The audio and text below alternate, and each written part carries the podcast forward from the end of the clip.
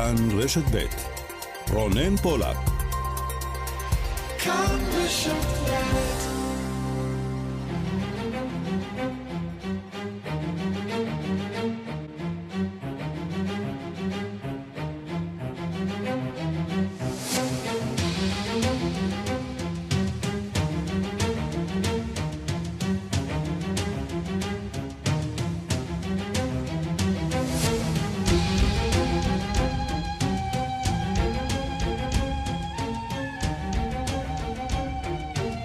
השעה הבינלאומית, מהדורת יום שני, 29 ביוני 2020. שלום לכם, צהריים טובים. האם דונלד טראמפ מתכוון שלא להתמודד על כהונתו השנייה כנשיא ארצות הברית? את השאלה הזאת, שעד הבוקר למעשה איש כמעט ולא עסק בה, בעיקר בשל העובדה שטראמפ עצמו נראה היה חזק מאוד בתוך הקמפיין, אלא שכעת בכירים במפלגה הרפובליקנית מעלים לראשונה את האפשרות כי הנשיא טראמפ יפרוש מהמרוץ לנשיאות, בין השאר בשל הסקרים שאינם מנבאים לו ניצחון. וטראמפ, את זה יודע כמעט כל ילד, יעדיף כנראה לפרוש מאשר להפסיד. המילה הפסד היא אינה כלל בלקסיקון שלו, כך לימדו אותנו תמיד אנשיו. עוד מעט נעסוק בהרחבה בתרחיש הזה, האם הוא אפשרי, האם הוא דמיוני, ננסה להבין גם עד כמה קשורה התנהלותו של הנשיא טראמפ במשבר הקורונה למצבו בסקרים. ועוד בהמשך, ברחבי העולם עלה מספר המתים במגפת הקורונה ליותר מחצי מיליון, כרבע מהם בארצות הברית. מפרוץ המגפה אובחנו כבר יותר מעשרה מיליון נשאים של קורונה. נהיה גם בפולין אחרי הבחירות שם אתמול לנשיאות, כצפוי, ילכו תושבי המדינה לסיבוב שני. נהיה בצרפת, אחרי הבחירות לרשויות המקומיות, ניצחון גדול למפלגת הירוקים, מפלה למועמדי מפלגתו של הנשיא מקרון. נהיה גם במלאווי, ואפילו בטקס פרסי הבידור של הקהילה השחורה. השעה הבינלאומית, העורך כרגיל זאב שניידר, מפיקה כרגיל סמדר טל עובד, טכנאי השידור שלנו דני רוקי, אני רונן פולק, עד שלוש, מיד מתחילים.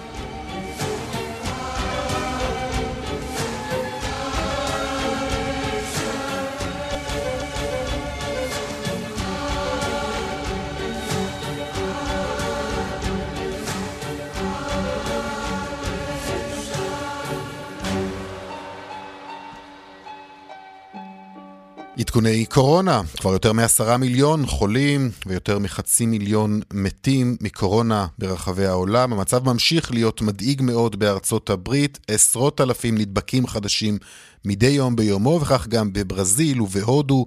בסין הודיעו הרשויות על הסגר חדש במחוז מדרום לבייג'ינג, לאחר שהתגלו שם 18 מקרי הידבקות חדשים. הנה דיווחה של כתבת חדשות החוץ, נטליה קנבסקי. סין רואה בחומרה כל גילוי של מוקדים חדשים של הידבקות, גם כשמדובר במספר מקרים קטן מאוד. לאחר ההתפרצות בשוק הסיטונאי בבייג'ין שהביאה להסגר בכמה מאזורי הבירה, כעת סגרו הרשויות את חבל אנקסין שבמחוז אביי, כ-150 קילומטרים מדרום לבייג'ין. זאת השיטה הסינית להימנע מן הגל השני של המגפה, סגירה מחדש אפילו במקרה של התפרצות בממדים קטנים. לפי התקשורת הסינית באנקסין התגלו לפי שעה 18 מקרי הידבקות חדשים מאז ההתפרצות בשוק בבייג'ין לפני כשבועיים. האזור הזה אינו מאוכלס בצפיפות כמו הבירה הסינית, לכן הרשויות שם מביעות אופטימיות באשר ליכולת למנוע את המשך התפשטות הנגיף. רשויות מדינת ויקטוריה שבאוסטרליה בחרו בטקטיקה דומה כדי להיאבק בהתפרצות החדשה של הנגיף, 75 מקרי הידבקות חדשים בימים האחרונה. Well, it is of a serious concern and, and the increasing number of cases that we're seeing Victoria while um, of great concern is not surprising uh, given the nature of the outbreak we're seeing there at the moment. I intend to get further information on that later today and speak to the Premier, uh, but whatever additional resources... זה בהחלט מדאיג מאוד. העלייה במספר המקרים בוויקטוריה, אם כי מדאיגה מאוד, אינה מפתיעה, אמר ראש ממשלת אוסטרליה סקוט מוריסון, והבטיח להעניק את כל הסיוע הנדרש לרשויות האזור כדי למנוע את התפשטות הנגיף. כעת נאסר על תושבי ויקטוריה לצאת מגבולות המדינה, שבירתה מלבורן, העיר השנייה בגודלה באוסטרליה. הרשויות חוששות שמדובר בגל השני של המגיפה ומתריעות שהמצב עלול להחמיר לפני שיורגש שיפור בעקבות ההסגר המחודש. לא כמו בסין ובאוסטרליה, בקוריאה הדרומית בחרו הרשויות שלא לחדש את ההסגר בערים כל עוד המצב בשליטה. 오늘 0시 기준 지역 사회 감염은 30명이고 해외 유입 사례는 12명입니다. 6월 29일 0시까지 발생한 확진 환자는 총 12,000. ב-29 ביוני היו לנו 30 מקרי הידבקות מקומיים ו-12 מקרים מיובאים. מספר חולי קוביד-19 הוא 12,757 1,046 מהם מקבלים טיפול, הודיע היום יון טייהו, נציג משרד הבריאות של קוריאה הדרומית. בסין, קוריאה הדרומית, אך גם ביפן, תאילנד ועוד מדינות באסיה, מדובר במספרים שבמדינות אחרות רק יכולים לקוות להם. במדינות אירופה שכבר פתחו את המשק נרשמים מאות מקרי הידבקות חדשים בכל יום, בעיקר בבריטניה, שבקושי הגיעה אל פחות מאלף מקרים חדשים ביממה. ארצות הברית, ברזיל, הודו ועוד מדינות רבות בעולם נמצאות עדיין בעיצומה של ההתפשטות. 40,307 מקרים חדשים דווחו בארצות הברית ביממה האחרונה, 29,313 בברזיל, 19,308 בהודו, 6,719 ברוסיה. באמריקה הלטינית המצב מדאיג גם במקסיקו, צ'ילי, פרו וארגנטינה. במזרח התיכון אלפי מקרים חדשים נרשמים יום יום באיראן, עיראק, טורקיה, פקיסטן וערב הסעודית. ביבשת השחורה המצב ממשיך להיות מתוח בדרום אפריקה, 6,334 נדבקים חדשים נרשמו שם ביממה האחרונה. עכשיו לארצות הברית, העלייה התלולה במספרי הנדבקים והחולים בארצות הברית מביאה לעצירת תהליך היציאה ואף חזרה אחורה בכמה מדינות בולטות, בהן טקסס, פלורידה וקליפורניה. כל זה בשבוע שבסופו אירועי ה-4 ביולי. שלום יגאל רביד, מניו יורק. שלום רונן, צהריים טובים לכם. צהריים כן, טובים. כן, ג'ולי, mm-hmm. סוף השבוע הקרוב, וזה הולך להיות uh, יום העצמאות, כמו אצלנו. הוא uh, יום מאוד מאוד חשוב, הוא מסמל את האחדות של היוניון. Uh, הרבה אירועים, אירועים רבים, גם אירועים לאומיים וגם אירועים פרטיים, כמו המנגלים אצלנו. כן, אבל אני מזכיר לך שאצלנו ביום העצמאות האחרון, uh, רובנו חגגנו בבית. לא רובנו, כולנו, נכון. וזה מה שהולך לקרות בארצות הברית. פה באמת זה יהיה רובנו, בגלל העצירה המוחלטת של תהליך היציאה, ובכמה מדינות מרכזיות, רונן, נזכיר כמה מהן, אה, אה, קליפורניה, המדינה שאני חי בה, אה, שהיא מדינה דמוקרטית, והיא נאלצת אה, לחזור בה, אבל מה שיותר משמעותי זה המדינות הרפובליקניות, שהמושלים הם אנשי הזרם המרכזי, ידידים אישיים של הנשיא דונלד טראמפ, גרג אבוט, מושל מדינת טקסס, רון דה סנטיס, מושל פלורידה. בואו נשמע דברים מדהימים שאומר אתמול גרג אבוט, ואחרי זה נגיד למה הם מדהימים. We need to understand that COVID 19 has taken a very swift and very dangerous turn in Texas over just the past few weeks. Over just the past few weeks, the daily number of cases have gone from an average of about 2,000 to more than 5,000 per day. At the same time, hospitalizations have increased from about 2,000 per day to more than 5,000 per day. מושל טקסס. תשמע, הוא אומר פה ככה, המספרים קופצים, ואם זה נכון, זה באמת מבהיל, רק האמת, מסתבר, היא אף יותר מכך. מסתבר שגם ראשי ערים ואנשים שהם בעלי השפעה פוליטית לא פחות חשובה מהמושל עצמו, מדברים על מספרים, מספרים שהם גדולים אפילו יותר מהמספרים שהמושל משמיע כאן. קפיצה מ-2,000 ל-5,000 מקרים חדשים ביום, ואחוז הידבקות, הוא אומר את זה בהמשך, שקפץ מ-4.2 ל-13 אחוז תוצאה חיובית, רונן, אלו מספרים מבהילים. באמת, במדינה ממש. גדולה כל כך mm-hmm. וחשובה, כשיוסטון הופכת להיות אחד המרכזים המסוכנים לקורונה וירוס כרגע בארצות הברית. עכשיו, גרג אבוט אומר את הדברים האלו, כשלידו מייק פנס, אתה מדבר בתחילת המשדר, שמעתי אותך מבטיח דיון סביב האפשרות שדונלד טראמפ יפרוש. אתה יודע, ג'ו ביידן, יש לו משפט שהוא אוהב להגיד, רונן, דברים שרואים מכאן, לא רואים משם. הוא אוהב לצטט את אריאל שרון, hmm. שנהג לצטט את השיר הישראלי הידוע. נכון. ואני אומר לך, מהמקום שאני נמצא כאן זה לא הולך לקרות. דונלד טראמפ לא אוהב להפסיד, ולכן הוא גם לא יודה בהפסד, גם אם הוא יפסיד. הוא ירוץ עד הסוף, הממסד הרפובליקני לא יוכל להזיז אותו, אם אתה שואל את דעתי ולא שאלת עדיין, ואני מזכיר לך שהילרי קלינטון, לאורך הדרך, הובילה בכל הסקרים, זה לא הולך לקרות. הנקודה המשמעותית השנייה, בוא נדבר רגע על הסיכויים למצוא uh, חיסון. אה, או, או, מה זה, זה כל העולם מחכה לבשורות מהזירה הזאת. הדמות המוכרת, הדמות האיקונית, האיש הקטן, המרשים עם הקול שכבר ניחר מכל ההתבטאויות, הרעיונות הטלוויזיוניות וההצהרות שלו, וגם צריך לומר את האמת, מהעימותים שלו מול דונלד טראמפ, שלא מעז לפטר אותו, כי הוא יודע כמה האיש הזה חשוב ופופולרי. אני מדבר על הדוקטור אנטוני פאוצ'י, ראש המכון למחלות זיהומיות, ה-CDC בארצות הברית, בואו נשמע אותו. What I've seen thus far looks good. So, with all the caveats that go with no guarantee, I still think that one can say that I'm cautiously optimistic that we will have one or maybe more candidates of vaccines that could be available and be effective by the end of the year, the beginning of 2021.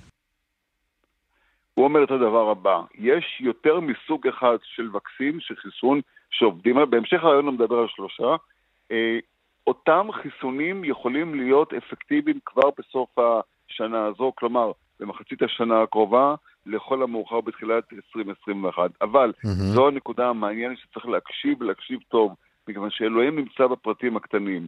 דוקטור אנטוני פאוצ'י, שבאמת כל העולם, לא רק ארה"ב, נושא עיניו אליו, אומר שהבעיה היא ביעילות של החיסון, שצפויה להיות 70-75 אחוז, וזה אם כל האוכלוסייה תיקח אותו, וכאן יש בעיה אחרת, לפחות בארצות הברית. אה, האוכלוסייה לא מאמינה בדברים האלו כל כך. יש גם מגמה, יש ארגון שלם, יש תנועה שלמה נגד חיסונים.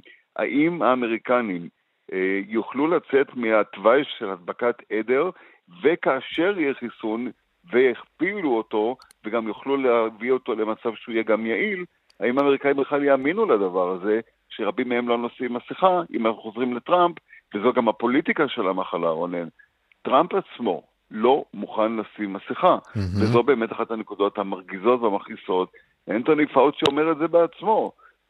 אני אומר לך שוב, אם, אם טראמפ היה יכול, היה זורק אותו לכל הרוחות, הוא לא יכול להרשות לעצמו את זה, כאשר המושלים, כן. המקורבים אליו, אמרנו, בפלורידה ובטקסס, סוגרים ברים, סוגרים מסעדות, בקליפורניה הולכים אחורה. ואני רוצה לסיים ברשותך רונן, ביוצאת מהכלל, מדינת ניו יורק, העיר ניו יורק שאני נמצא בה כרגע. ניו יורק מדהימה, אנחנו ניו יורקים, אנחנו לא מפחדים משום דבר, אומר המושל המאוד פופולרי, מריו קוומו, שהלוואי והוא היה רץ ולא ג'ו ביידן, וזה באמירה אישית. כן, אוקיי, בוא נשמע. מריו קוומו, בואו נשמע את הדברים שהוא אומר אתמול. I think we're still in the first wave, and this is uh, a continuation of the first wave, and it was a failed effort to stop the first wave in the country. כן, אוקיי. תשמע את הדברים המדהימים עליו. בהחלט. הוא אומר, כל העולם מדבר על גל, ש... איזה גל שני? על מה אתם מדברים? אנחנו עדיין בגל הראשון. ורק הכישלון הקולוסלי של הרשויות, של הממשל המרכזי בוושינגטון, הוא זה שעדיין לא הוציא אותנו. מה פתאום, איזה גל שני? אנחנו עוד לא יצאנו מהגל הראשון, שירד קצת ועכשיו הוא עולה בחזרה. כן. אבל הדבר המעניין שדווקא ניו יורק מצליחה לשמור על מספרים שהולכים ויורדים, למרות שפתחו כאן את המסעדות, כולל המסעדות הישראליות, אתה יכול לסעוד על המדרכה אם אתה חסין גשם, ואפילו העירייה הצליחה לפנות את מקומות החניה, זה נורא מצחיק, אתה הולך ברחובות המרכזיים כאן בניו יורק, ואתה רואה שולחנות שמוציאים לרחוב, למדרכה, לכביש, כדי לאפשר לעסקים לחזור ולתקן ולהחזיר לעצמם מעט מהנזקים שהם ספגו בחודשים האחרונים. יפה. הקורונה כאן עדיין, mm-hmm. כן. יגאל רביד, מניו יורק עכשיו, תודה רבה לך. תודה רבה לכם. עדיין בארצות הברית, הפגנות הגזע שם מתחילות, אה, מתחילות להראות הישגים. מדינת מיסיסיפי החליטה אתמול על מהלך אה, היסטורי, היא תסיר את סמל הקונפדרציה מדגלה. שלום לך כתבנו בוושינגטון, נתן גוטמן. שלום רונן. כן, נתן. אה, כן, זה בהחלט אחד ההישגים היותר מרשימים של המאבק הזה בינתיים, והרבה מהמאבק הרי מתנהל בסופו של דבר ברמה הסמלית. ברמה הסמלית זה מאוד חשוב, ולכן הרבה אנשים הסתכלו על מדינת מיסיסיפי אתמול, שהצביעה אתמול בשני הבתים של הקונגרס שלה בעד הסרת סמל הקונפדרציה מדגלה. למה זה חשוב? זה חשוב כי מיסיסיפי היא המדינה האחרונה mm-hmm. שעדיין נושאת את הסמל הזה של הקונפדרציה, אותה תזכורת עגומה לימים שבהם מדינות הדרום הם נלחמו נגד אה, אה, הצפון ונגד אה, האיחוד בדרישה להמשיך בעבדות השחורים. מיסיסיפי היא גם לא סתם מדינה, היא המדינה שבה שיעור האוכלוסייה האפריקנית-אמריקנית הוא הגבוה ביותר בארצות הברית. הם כמעט 40 אחוזים מתושבי המדינה הם שחורים. וזה חשוב גם כי זה לא שלא נעשו ניסיונות בעבר הם, להסיר את סמל הקונפדרציה מהדגל, והם נדחו, והנה עכשיו מדינה שהיא מדינה רפובליקנית, שהיא מדינה דרומית, מבינה שהמציאות השתנתה ומצביעה בקולות לא רק של הדמוקרטים, מצביעה בעד אה, הסרת אה, סמל הקונפדרציה. מה קורה עכשיו? אז קודם כל מורידים את זה, אחר כך הם, יהיה משאל עם לגבי עיצוב דגל חדש אה, למדינה, זה יהיה תהליך כמובן, אבל זהו הישג, הישג לתנועה הזאת, שאנחנו הרבה פעמים מתמקדים בשבועות האחרונים במה שקורה ברחובות, ולא שמים לב לעובדה שהיא בסופו של דבר כן רושמת הישגים, אם מדובר בפיזור של, אה, בכוונה למשל אה, לפזר את כוח המשטרה של מיניאפוליס, בשאלות שנשאלות ברמה המעשית ביותר לגבי המשך המימון של כוחות משטרה, וגם בחקיקה המאוד מאוד חלקית אה, בקונגרס שמתקדמת בנוגע לאלימות של המשטרה כלפי שחורים, כך שיש התקדמות, וזה אולי אחד הצעדים הסמליים שראינו ביממה האחרונה. אוקיי, נתן, נדבר קצת פוליטיקה עכשיו, ארבעה חודשים לבחירות שם בארצות הברית, ודונלד טראמפ אה, מתחיל אולי להרגיש את הלחץ, הסקרים מראים התחזקות של היריב בונה. שלו, ג'ו ביידן. אתה שומע אותי, אה, נתן? נתן שומע אותנו? נתן גוטמן? אוקיי, נתן אה, יחזור אלינו עוד אה, רגע, אנחנו רוצים לעסוק, בו, לעסוק גם בנושא החשוב הזה של. הפוליטיקה האמריקנית והסקרים.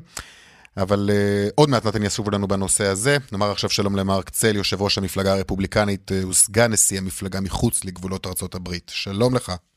שלום, צהריים טובים. צהריים טובים. אוקיי, טוב, שמענו את הדיווחים האלו uh, הבוקר uh, מפוקס, על כך שהנשיא טראמפ אולי יפרוש מהמרוץ לנשיאות, בין השאר בשל הסקרים שאינם מנבאים לו אה, ניצחון. זה ציטוטים שהובאו בשמם של בכירים במפלגה הרפובליקנית, אה, בעצם מעלים את האפשרות הזאת אה, לראשונה. בוא ספר לנו מה אתה יודע או שומע על כוונותיו של הנשיא טראמפ.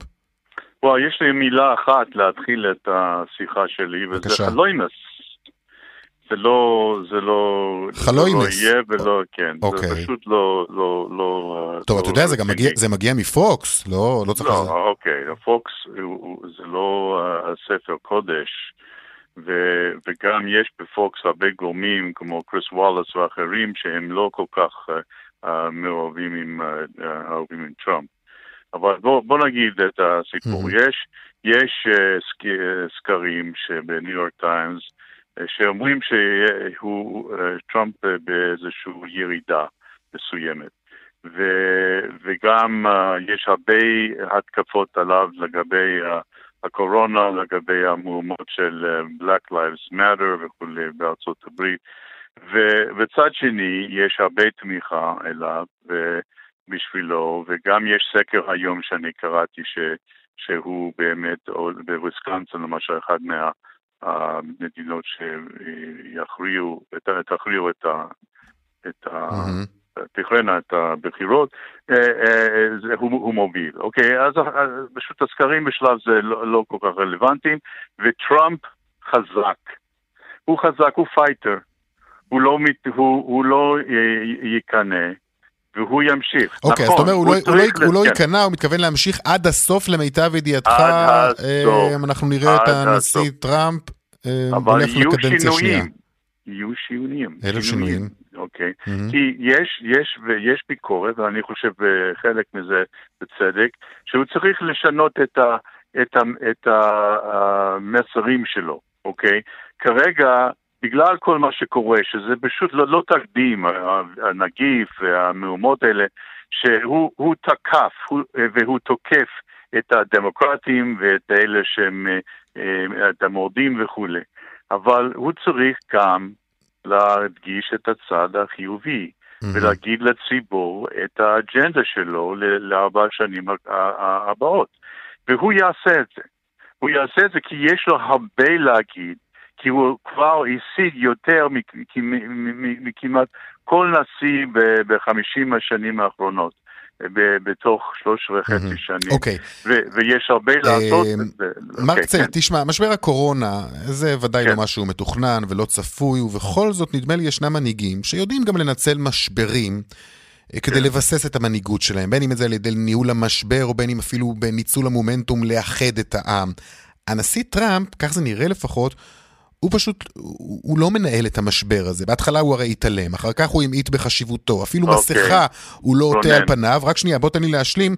אה, אה, כי, כי, כי, כי זה באמת, אתה יודע, חלק מזה זה גם דוגמה אישית. גם מסכה הוא לא עטה, ובמקביל הוא גם קידם כל מיני תרופות אה, שנויות במחלוקת, שגרמו לראשי מערכת הבריאות שם בארצות הברית להתכווץ במקומותיהם. ואני מזכיר לך, יותר מ-120 אלף מתים בארצות הברית מקורונה. יכול להיות כן. שהזלזול הזה שלו הוא שיכריע אותו בסופו של דבר גם בהחלטתו על לא, דרכו הפוליטית? לא, לא, לא. קודם כל, העובדות שציטטת עכשיו הן לא נכונות. אתה יודע, והמאזינים יודעים, שבינואר, זאת אומרת חודשיים לפני הקורונה הוכרז כפנדמיק, אז הוא, נשיא טראמפ, סגר את, ה, את ה, הגבולות של ארה"ב לטיסות אה, אל ומסין. ואתה יודע מה, כל המומחים והפרשנים והתקשורת אמר עליו אז שהוא שונא זרים, והוא גזען, והוא זה והוא זה, ותקף אותו עד הסוף. אה, לא- הוא לא זלזל, אתה אומר. אה, מה? הוא לא זלזל, אתה אומר, במגפה הזאת.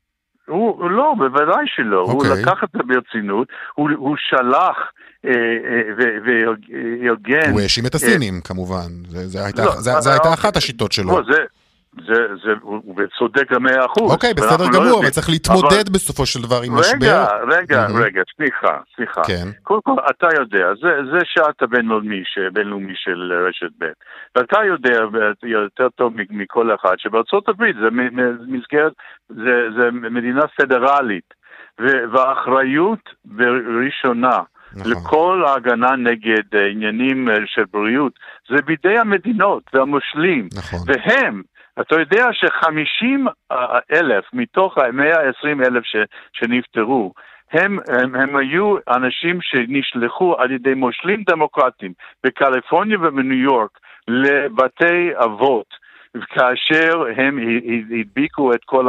הקשישים באותם בתי אבות. אוקיי, טוב. וגם, וגם היה... זמננו מתקצר ואני מנסה להבין עדיין, ממש לקראת אה, סיום, מה אולי לא עובד במנגנון הכל כך משומן הזה של הנשיא טראמפ? הרי ראינו אותו גם בשבוע שעבר באותה עצרת שהוא קיים באוקלאומה, היו מי שחיבלו לו שם בעצרת, בסוף הוא הופיע שם מול אולם אה, חצי ריק. הוא לא מקיים עוד הצהרות, נכון? עוד אירועי לא, בחירות. לא, לא, מה אתה מדבר? הוא כן? אה, כן. אתה רוצה לדבר על טולסה, אוקלהומה? אתה רוצה לדבר? אני רוצה לדבר על הצעות נוספות שהוא מתכנן. אה, עוד, עוד כנסים, זה מה שאתה מדבר, כן, מתכוון? כן, כן, אני מכוון שהוא יעשה את זה.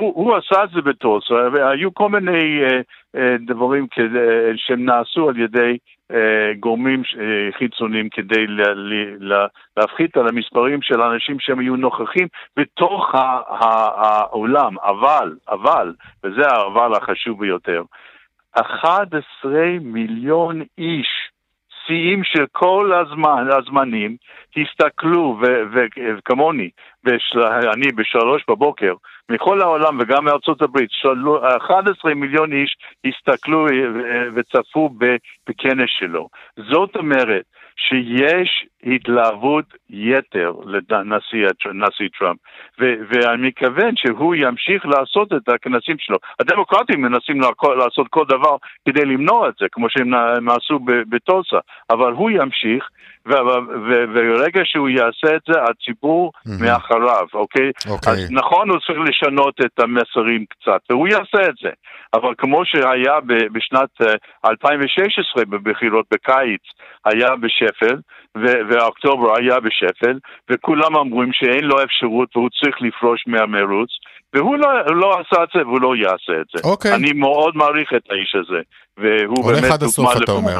מרק צל, יושב ראש המפלגה כן. הרפובליקנית, סגן נשיא המפלגה מחוץ לגבולות ארה"ב, תודה רבה לך. תודה לך רונן, ביי. להתראות. שלום לך פרופסור אבי בן צבי, ראש התוכנית לדיפלומטיה, אוניברסיטת חיפה, מומחה לארצות הברית, שלום. שלום וברכה גם לך. טוב, אמ, אז מה, אתה, איך אתה רואה את הדברים? הנשיא טראמפ, אתה רואה תרחיש לא... כזה שבו הוא אה, כל כך לא בטוח בעצמו ובניצחונו יסיר כעת את המועמדות? קודם כל, אני לא זוכר שיחה שלא הסכמתי עם אף מילה ממש של המרואיין, כמו שהשיחה האחרונה. אז קודם כל, אני מסכים אולי, אולי בדבר אחד. אה, טראמפ במובן הזה הוא לא נכנע בקלות. גם ב-2016, בסביבת אוגוסט, שהסקרים היו גרועים מבחינתו, שמצבו היה בשפל, אה, הוא התאושש ולא שקל פרישה, ובמובן הזה ארבעה חודשים אה, במובנים של בחירות אמריקניות זה כמעט נצח. מה גם שעשרה ימים לפני אותן בחירות ב-2016, הילרי קלינטון הדמוקרטית הובילה בבטחה בפער דו-ספרתי, בערך 14 נקודות, כשדיברו אפילו שהיא תפרוץ לדרום ולמערב אל מרחבים חדשים עבור המפלגה הדמוקרטית. אז שום דבר אכן לא הסתיים. אבל הדיווח הבוקר אה, בפוקס שזה כמעט מגרשו הביתי של נכון. טראמפ, למרות שיש לו גם כעסים על הרשת הזאת. אז אה, א', הבסיס הוא שוב סקר שמראה על פער דו-ספרתי אצל פוקס, 12 אחוזים, אחרי הסקר בניו יורק טיימס, שאותו אמנם טראמפ ביטל לחלוטין, שם היה פער של 14 אחוז. כשרואים את כל מדינות המפתח, באמת המדינות הקריטיות, כולל פלורידה המיתולוגית, שהן אה, בעצם היום דמוקרטיות, מישיגן, וויסקונסין, פנסילבניה, אפילו אריזונה מסורתית רפובליקנית היום, היום, נכון להיום, חוצה את הקווים. אז התמונה עגומה גם מבחינת uh, שיעור ההצבעה והתמיכה, התמיכה בטראמפ של קבוצות uh, מפתח, מיעוטים, נשים, צעירים שנוטשים אותו, קשישים, למעט לבנים נטולי השכלה אקדמית, בעיקר צווארון, מעמד הצווארון הכחול. אז יש איזו תחושה של כמעט קריסת מערכות, למרות שהיו דברים מעולם, אני מדגיש הנשיא פורד סגר פער של 33 אחוזים נגד קרטר רק כדי להפסיד בסוף ב-76 בפער מינימלי. זה לא אבוד, אבל אי אפשר לכחש ולהתכחש לעובדות כמו שטראמפ וכמו שדוברו הישראלי אה, אמר לפני דקה. פשוט אי אפשר אה, לנהוג כבת יענה. עד כמה ניהול כן. משבר הקורונה פגע בו, לדעתך? ברור, הוא פגע בו עמוקות. זאת אומרת, גם ניהול משבר הקורונה, וכמובן גם ניהול מש, המשבר של ההפגנות בעקבות נכון. uh, מותו הבאמת הברוטלי של ג'ורד פלויד. זאת אומרת, לגבי הקורונה אין שום ויכוח, אין שום יכולת לטייח, היו זיגזוגים, הייתה, uh, הייתי אומר, הזלזול טוטאלי בעוצמתו, במשמעותו של הנגיף, וכל מיני, הייתי אומר, טענות בנוסח אפוקליפסה עכשיו, פתרנו, אנחנו פותרים, תרופת mm-hmm. פלא, uh, למה לחסן יותר, uh, למה לבדוק יותר ככל שעושים יותר בדיקות? מוצאים יותר אה, נשאים, והייתה גם אה, באמת נטייה מקיצוניות אחת לקיצוניות שנייה. הוא לא שידר למעט שבועיים, וזה באמת העלה לו את רמת הפופולריות, אה, הוא לא שידר מנהיגות נחרצת, בעיקר מה שצריך קוהרנטיות, קו אחיד, ברור. מאחד גם במידה מסוימת. סליחה? מאחד גם במידה מסוימת. כן, מאחד, אלא הוא הלך על כיוון אה, הלאה, אה, מקטב, מפלג, פלגני, נכון. וגם מפרק, וגם אה, חיפש אויבים מבית, זרק כמובן את כל האחריות על המדינות, אה, על כך שחסר ציוד, אבל בעצם הייתה כאן הזנחה מלמעלה, והייתי אומר איזה בהתחלה אדישות מוחלטת, וגם כשהוא פותח את המשק, אז הוא לא, הקודקוד נותן את האות לפתיחה גורפת מדי, מהירה מדי, אה, כשהוא רוצה להחיות, mm-hmm. לה, להביא צמיחה אז... בכל מחיר ומהר. בוא... אז כל הדברים האלה, כן. כן, אז בסך הכל הייתי אומר, היום זה לא, זה מוקדם להספיד, אבל מצבו עגום וזה הופך להיות משאל עם על התפקוד של טראמפ, ולא, בלי שמסתכלים כמעט על ביידן, שהוא מועמד אה, כשלעצמו לא נפלא. אז זהו, בדיוק רציתי לעבור לדבר על ביידן, כי, כי בוא תסביר לי, אני מנסה להבין כיצד... אה... Sleepy ביידן, ביידן הישנוני כפי שמכנה אותו טראמפ, מצליח, ל, אתה יודע, כן להתאושש, להמריא אולי, אולי קצת גם בסקרים על חשבונו של טראמפ, ותקן אותי אם אני טועה, גם הוא הרי היה נראה קצת מנותק בתקופת אה, משבר הקורונה, הוא כמעט ולא נראה בציבור, הקפיד מאוד על כללי הריחוק החברתי, יש שאמרו אפילו שהוא הקפיד יותר מדי, עד כדי כך שהתרחק גם מהציבור, אז מה קרה פתאום? מה שקרה, ברירת מחדל. קודם mm. כל, הוא ניצל בנס משום שברני סנדרס, הסנאטור הקשיש אה, מוורמונט, הוביל אה, באור... לאורך כל הפריימריז. המפלגה, צמרת המפלגה, ממסד המפלגה הדמוקרטי, נחלץ באמת בדקה ה-90 בזמן פציעות, והשקיע משאבים אדירים כדי להבטיח לו את המינוי. מה שקורה, הוא באמת בזכות זה שהוא סליפי, שהוא יחסית אדיש, לא אומר שום דבר בלתי קורקטי, כי יש לו פה עם הרבה מעידות, הוא זוכה מן ההפקר. זאת אומרת, יש לו את הדימוי של באמת ה-30... וכמה שנים בסנאט וסגן נשיא. זאת אומרת, יש לו ניסיון, אה, הוא סולידי, אבל הוא לא התבלט, אה, הוא רק אה, במרכאות התבלט בפה הגדול שלו, וגם הטרדות מיניות שהן light, אני אומר, עם כל החומרה שיש בכך, אבל בעצם היתרון הגדול שלו, שהוא כרגע שומר על שקט תעשייתי, כמעט שומר על זכות השתיקה, למעט מספר התבטאויות, הוא יושב במרתף שלו בדלאוור שם, ומשם הוא מקליט, אבל בעצם הוא ממצה עד תום את חולשתו של טראמפ, שעושה עבורו את כל העבודה. העבודה, כולל אותו, אותה עצרת בטלסה לפני שבוע שהייתה קטסטרופה. לגמרי. 70% מהמושבים ריקים. אז בעצם היום הוא משדר איזה, איזושהי יציבות, נגיד כלפי וול סטריט, כלפי ציבורים רחבים. יש לו תמיכה אדירה של מיעוטים, תמיד הייתה. Mm-hmm. גם מעמד צווארון כחול למעשה, מסורתית, הייתה לו. אז בעצם גם צעירים וגם uh, קשישים, זה לא מתוך התלהבות, גם מי יודע מה יגלו בארון של אוקיי. איזה שלדים, כי העניין, העניין זמננו עומד כן. להסתיים, ואני רוצה ממש לנסות להבין גם, אתה יודע, איזשהו, תעשה לנו, אם תוכל לעשות לנו ממש בקצרה איזשהו. סדר בירוקרטי או מנהל, מנהלות, מה שנקרא, אוקיי. בהנחה שהנשיא טראמפ אה, מחליט אה, לפרוש מתפקידו, מה קורה אוקיי. אז? אז. מבחינת סדרי הדין? מעניין. אני אנסה לעשות את זה על רגל אחת, זה נורא מעניין. אז קודם כל, יש לנו רק שני תקדימים מאז מלחמת העולם השנייה, mm-hmm. שנשיא מכהן, שבעצם רץ לכהונה נוספת, מחליט לפרוש בשנת בחירות. זאת אומרת, טרומן ב-53, mm-hmm. במרץ ג'ונסון ב-68, גם כן במרץ, על רקע מלחמת קוריאה. טרומן, ג'ונסון על רקע מלחמת וייטנאם.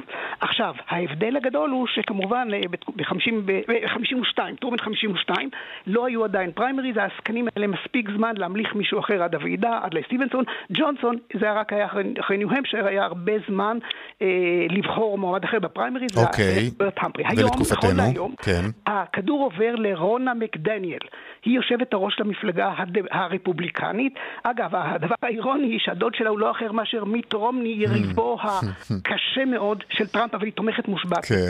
היא צריכה, לפי סעיף 8 של המפלגה, ובעצם אנחנו עוסקים היום, אנחנו נמצאים חודשיים לפני ועידת המפלגה, המפלגה הארצית שאמורה להתכנס בשרלוט, צפון קרוליינה, אז היא פשוט אמורה, אמורה להעביר את הכדור למפלגה, שהיא אה, בוועידה השנתית, שאמורה הייתה להמליך את טראמפ בצורה מאוד חגיגית, היא אמורה לפתוח את העניין, ובעצם הסבירות היא שמייק פנס, סגן הנשיא, יקבל את, ה, את ההובלה, אבל זה בעצם אה, אמור להיות מוכרע על ידי הוועידה הארצית, אוקיי. פה אחד בוחר בטראמפ. יש גם אפשרות שאיזה פורום יותר מצומצם של הנהלת המפלגה ידון, mm-hmm. אבל אם זה אוקיי, אז מייק פנס יוכל להרוויח מן ההפקר במקרה כזה, אבל כאמור, אנחנו שוב, אנחנו מפליגים ככה בדמיון, כי בינתיים אנחנו לא יודעים שזה קיים, וגם שמענו את מרק צל אומר, חלוימס, איך הוא הגדיר את זה?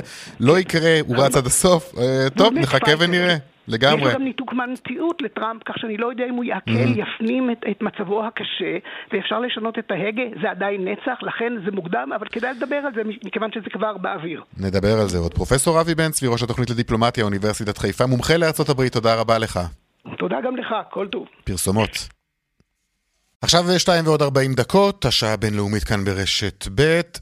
אה, פולין עכשיו, הבחירות לנשיאות אה, שהתקיימו אתמול לא הוכרעו בסיבוב הראשון, שני המועמדים שזכו במרבית הקולות, בנשיא המכהן אנג'י דודה, הם התמודדו בסיבוב השני בעוד כשבועיים. שלום לך ניסן אה, צור, כתבנו בפולין. שלום רונן. כפי שהערכנו אתמול, אכן כן.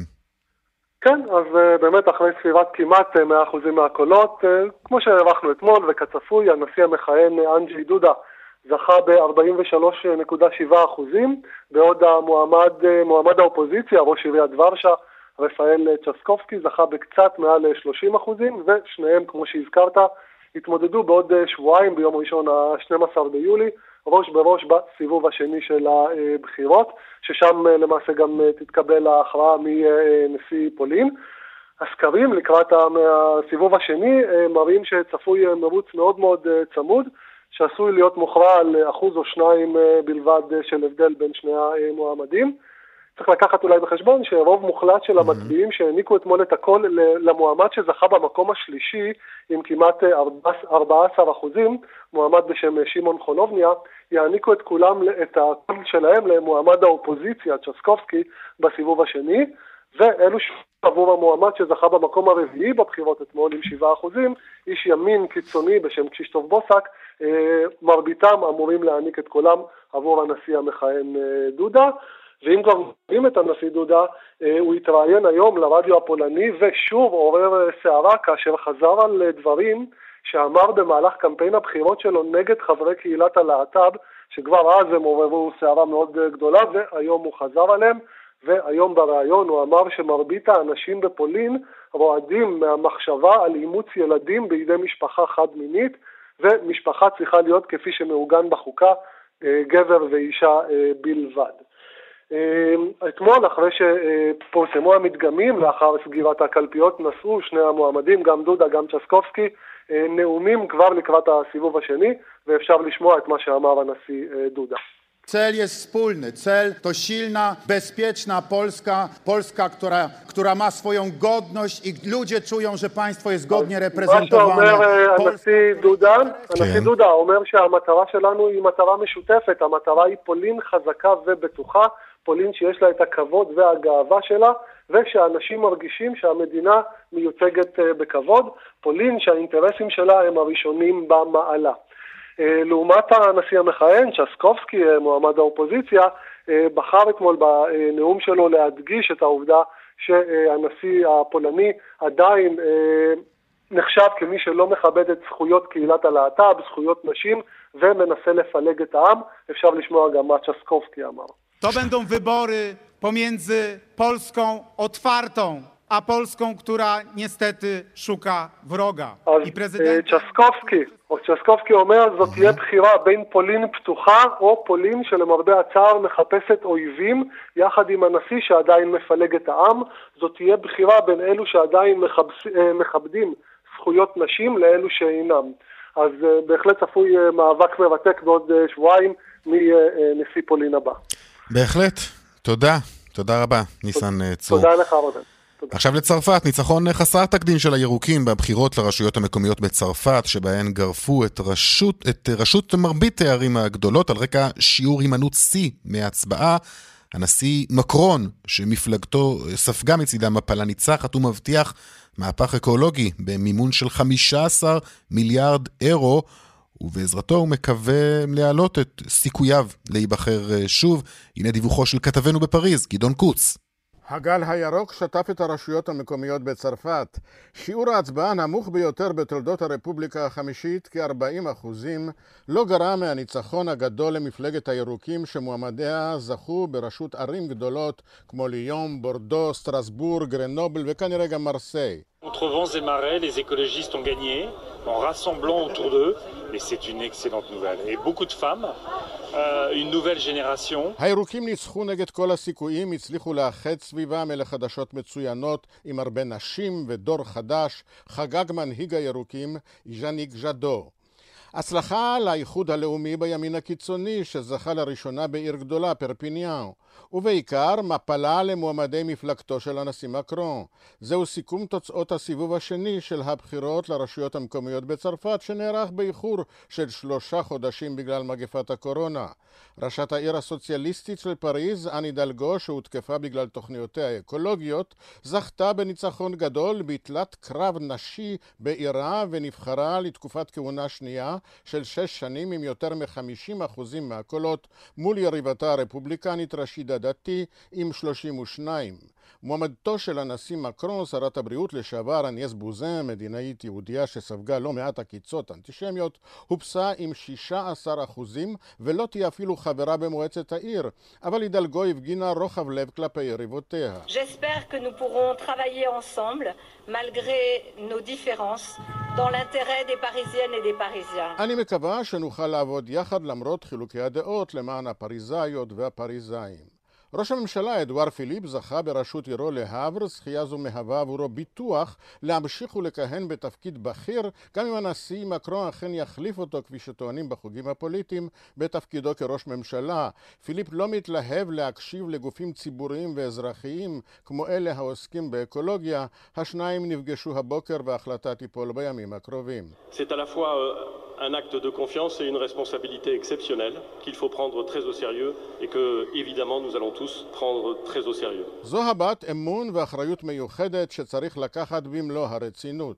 מקרון פותח היום בקרב ההישרדות שלו שיימשך עד לבחירות ב-2022 והוא התחיל דווקא בנאום חשוב על מדיניותו האקולוגית הוא הבטיח למועצה הציבורית שהוקמה אחרי מהומות האפודים הצהובים לקבל את רובן המכריע של הצעותיה במסגרת חוק על האקולוגיה שהתקבל עוד לפני חופשת הקיץ. L'écologie au cœur du modèle productif.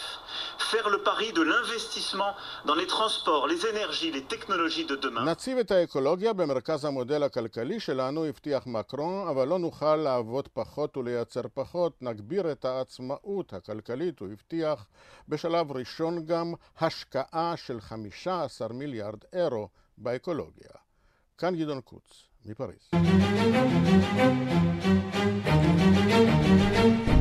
עימות אה, חזיתי בין ממשלת עיראק החדשה למיליציות הפרו-איראניות אחרי שבימים האחרונים נעצרו פעילים באותן מיליציות שהתכוונו לשגר רקטות לעבר יעדים אמריקניים בבגדד. המיליציות מאיימות על ראש הממשלה שהוא לא יוכל למנוע מהן להיאבק בנוכחות האמריקנית. שלום לך כתבנו, לענייני ערבים, רועי קייס. שלום מעולה. נכון, אז התפתחויות אה, מאוד מעניינות בעיראק, שבמוקדן הנוכחות אה, האמריקנית במדינה. בחודשים האחרונים אנחנו רואים עלייה בכמות התקריות של ירי רקטות לעבר יעדים אמריקניים ברחבי עיראק, בין אם מדובר בבסיסים או בשגרירות האמריקנית בבגדד באזור הגרינזון, האזור המאובטח והשמור. חשודים המיידיים הם מן הסתם המיליציות שמקורבות לאיראן ובפרט גדודי חיזבאללה עיראקי, שכבר סומנו מזמן על ידי ארצות הברית. המגמה הזאת התגברה סביב החיסול של מפקד כוח קודס במשמרות המהפכה של איראן, קאסם סולימני לפני חצי שנה בעיראק, חיסול אמריקני, שמבחינת אותן מיליציות הוא קו פרשת מים, שממנו יש רק דרך אחת לפתור את המצב, גירוש הכוחות האמריקניים מעיראק בהסכמה או בכוח. אלא שרצונות לחוד ומציאות לחוד רונן, האמריקנים החלו קצת לפנות בסיסים בחודשים האחרונים, אך בטווח הקרוב קצב הנסיגה לא משביע רצון מבחינת המיליציות, מי שמוצאת את עצמה בתווך בין האמריקנים לאותן מיליציות היא ממשלת עיראק החדשה של מוסטפא אל-קזמי שקמה לא מזמן, אותו אחד שנבחר על ידי הסיעות הפוליטיות כסוג של מועמד של פשרה, מההתחלה המיליציות הפרו-איראניות לא תמכו בהתלהבות במינוי שלו, של מי ששימש כראש המודיעין העיראקי, ידוע בהקשריו עם האמריקנים, אך בימים האחרונים נראה שאולי הם ידעו מדוע הם לא התלהבו כל כך. ביום חמישי בלילה כוחות הלוחמה בטרור של עיראק עוצרים 14 פעילים באותן מיליציות שהתכוונו לפגוע ביעדים אמריקנים באזור הגרינזון. על פניו באמת אירוע לא שגרתי שיכול להעיד על הרצינות של קזמי להכפיף אליו את אותן מיליציות שחלקן עושים את דברה של איראן ולא של ממשלת עיראק. המיליציות מן הסתם זעמו על האירוע הזה ואפילו היה ניסיון לכתר את אחד מהמטות של מנגנוני הביטחון בגרינזון בבגדד. בוא נשמע את אחד מהמנהיגים הבולטים של המיליציות קייסל חזאלי בתגובה למעצרים. הנה. فموضوع القوات الأمريكية واستهدافها من قبل فصائل المقاومة أنت כן, אז זהו קייסר חזאלי, מנהיג המיליציה, סאיב אל-חאק, אחת המיליציות המקורבות לאיראן, שאומר לאל-קזמי, אתה לא תוכל לטפל בנושא אף ממשלה קודמת לא טיפלה בסוגיה הזאת, ההתקפות של אה, פלגי ההתנגדות, כך הוא קורא להם, על הכוחות האמריקנים. אתה מונית, לא נבחרת על ידי הציבור כדי לטפל בבעיות הקשות של העם העיראקי ולא בנושא הזה. לפי שהנראה שממשלת עיראק ואל-קזמי לא ממצמצים, ה-14 פעילים מגדודי חיזבאללה עיראקי עדיין עצורים, ויש כבר חש בחש על כך שקזמי אולי ינסה לקחת מהמיליציות את השליטה באזור הגבול אה, עם עיראק, כחלק מהניסיון הכולל שלו להחזיר את הריבונות העיראקית למדינה. כך נשמע דובר צבא עיראק יחי רסול בניסיון להסביר את המעצרים ואת החוקיות שלהם. הנה. לهذا נעמל בדקה, נעמל במהניה, בהחתרף. כן, אז זה דובר צבא עיראקי חירסול, שאומר, יש יראת כבוד למדינה, לכן אנחנו פועלים בצורה מדויקת ומקצועית, אנחנו שומרים על עיראק ועל העם העיראקי, אנחנו פועלים בהתאם לחוק ובהתאם לחוקה העיראקית, אנחנו לא רוצים אנרכיה באף מחוז בעיראק. צריך לומר שרק לאחרונה הושק הדיאלוג האסטרטגי בין ממשלת עיראק לארצות הברית, שגם צפוי לדון בנוכחות האמריקנית במדינה, נוכחות שנויה במחלוקת, והנראה של קזמי כרגע מנסה להראות את גבולות הגזרה למיליציות הפרו-איראניות, שמאיימות עליו, צריך לומר, חלקת קוראות לו כבר בוגד, משת"פ של האמריקנים. האם הוא יצליח או לניחן שנכשלו ראשי ממשלה קודמים בעיראק? אולי נהיה חכמים בעוד כמה חודשים. אולי. תודה, רועי קייס. תודה. מועצת הביטחון של האו"ם האריכה אתמול בשנה את המנדט של הכוח הרב-לאומי במאלי, וזאת בשעה שהמדינה מתמודדת עם, מתמודדת עם משבר פוליטי חריף. הנה דיווחה של עורכת חדשות אפריקה, רינה בסיסט. בבמקו בירת מאלי הביעו אתמול סיפור. חברות מועצת הביטחון של האו"ם הצביעו כולן בעד הארכת המנדט של הכוח הרב-לאומי במדינה. הן גם אישרו את התקציב של הכוח לשנה הבאה, מעל מיליארד דולר, קצת יותר מהתקציב של הכוח בשנה הנוכחית. כך הכוח הרב-לאומי במאלי הוא הכוח השלישי היקר ביותר של האו"ם. עבור מאלי האישורים הללו חשובים במיוחד כעת. המדינה מתמודדת עם משבר פוליטי קשה, שסופו איננו נראה באופק. משבר שמעודד ומייצר גם אלימות. בשבועות האחרונים נערכו שוב ושוב הפגנות מטעם האופוזיציה, אשר קראו להתפטרותו המיידית של הנשיא אברהים בובקר קייטה. המפגינים מציגים שורה של דרישות וטענות על המצב הכלכלי, על הפילוג במדינה, על חוסר אמון בממשלה ועוד ועוד. אבל כאמור השורה התחתונה היא הדרישה שהנשיא ילך הביתה. ומי שמוביל את ההפגנות והדרישות הוא מנהיג האופוזיציה, האימאם מחמוד דיקו. המרירות באופוזיציה התפרצה לאחר שנערכו במאלי בחירות מוניציפליות. האופוזיציה טענה שהיו מעשי מרמה בכמה רשויות מקומיות. אבל הכעס עמוק יותר משהיה בבחירות המקומיות. בקהילה הבינלאומית חוששים מהתערערות השלטון במדינה שסבלה ממלחמה ארוכת שנים נגד האסלאם הקיצוני. לפני כשבוע נערכה שוב הפגנה. הנשיא קייטה מצידו הציע לפתוח דיאלוג על הקמת ממשלת אחדות לאומית, אבל בינתיים נראה שהאופוזיציה איננה מעוניינת. נציגי הארגונים האזוריים האפריקניים עם נציגי האיחוד האירופי נועדו לפני ימים אחדים עם המנהיגים של האופוזיציה והקואליציה וגם עם אנשי הכוח הרב-לאומי, כל זאת כדי לקדם דיאלוג, אך בינתיים בלא הצלחה. הכוח הרב-לאומי במאלי מתמודד עם משימה קשה. לפני שבועיים נערכה נגדו התקפה שבה נהרגו שני חיילים מצרים. המשימה של הכוח לשמור על השלום, על הסכם השלום ועל הריבונות של מאלי רק מסתבכת על רקע המשבר הפוליטי. מאלי גם מתמודדת עם שני משברים ביטחוניים מתמשכים. קודם כל בצפון המדינה, מוקד המלחמה שהסתיימה כביכול נגד הג'יהאד האסלאמי. זהו האזור שבו נמצא הכוח הצרפתי ברקן, אשר איבד שוב חייל לפני שבועות אחדים בהתקפה של ג'יהאדיסטים. המוקד השני הוא מרכז מאלי, שם גוברים העימותים השבטיים. 580 בני אדם נהרגו שם מתחילת 2020, הסלמה שמחזקת עוד יותר את הצורך בנוכחות הכוח הרב-לאומי. כאן רינה בסיסט. בטקס אה, פרסי הבידור של הקהילה השחורה שהתקיים הלילה, טקס פרסי בט, אה, Black Entertainment אה, Television לאנשי הבידור בקהילה השחורה, קיבלה הזמרת ביונסה את פרס ההומניטריות. בטקס לקחו חלק מגוון אומנים, ואפילו האישה הראשונה לשעבר, מישל אובמה, שהעניקה את הפרס לביונסה. Continue to change and dismantle a racist and unequal system. We have to continue to do this together, continue to fight for each other and lift each other up because there are people banking on us staying at home during local elections and primaries happening in states across the country. We have to vote like our life depends on it. המשיכו את השינוי ופירוק המערכת הגזענית והאי שוויונית, אומרת ביונסה, אנחנו חייבים להמשיך לפעול ביחד, להמשיך להילחם ולתמוך האחד בשני, כי ישנם אנשים שמנסים לדרבן אותנו להישאר בבתים בזמן הבחירות המקומיות ובחירות מקדימות מתנהלות ברחבי המדינה. אנחנו חייבים לבחור כאילו חיינו תלויים בכך. זה ברקע כבר, השיר החדש ביותר של ביונסה, Black Parade. שיר שיצא לפני uh, כעשרה ימים. עם הסלילים האלה, ניפרד עוד, uh, עוד רגע. Like a bob tree of life on fertile ground. Ancestor put me on game. On charm, on gold chains. With my ocean energy. Drip all on me. Ankara da shiki friend. Hola, Jonas, Stella, Sacha, Nah, Chapa, Ensign. Yeah, yeah.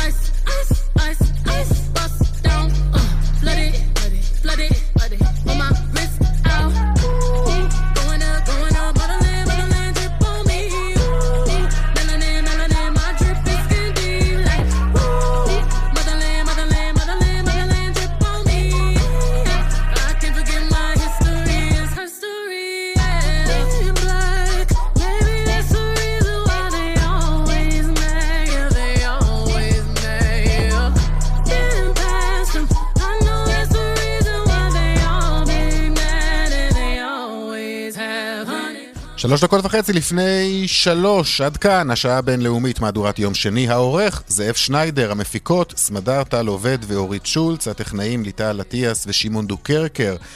אחרינו, רגעי קסם עם גדי לבנה, אנחנו ניפגש שוב, אם תרצו, בשלוש לפנות בוקר, בשידור החוזר, וגם מחר, בשתיים אה, בצהריים. מהדורה חדשה של השעה הבינלאומית, עד אז תוכלו לשמוע אותנו בדף הפודקאסטים של כאן, חפשו אותנו תחת השם כאן עולמי, באתר או בכל אפליקציית פודקאסטים, ותקבלו אותנו בפוש ובלי פרסומות ישירות לנייד. אפשר לפנות אלינו גם באמצעות המייל, בינלאומית, כרוכית כאן.org.il. זהו, סיימנו. אני רונן פולק, המשך יום טוב, יום טוב לכם, להתראות, ביי.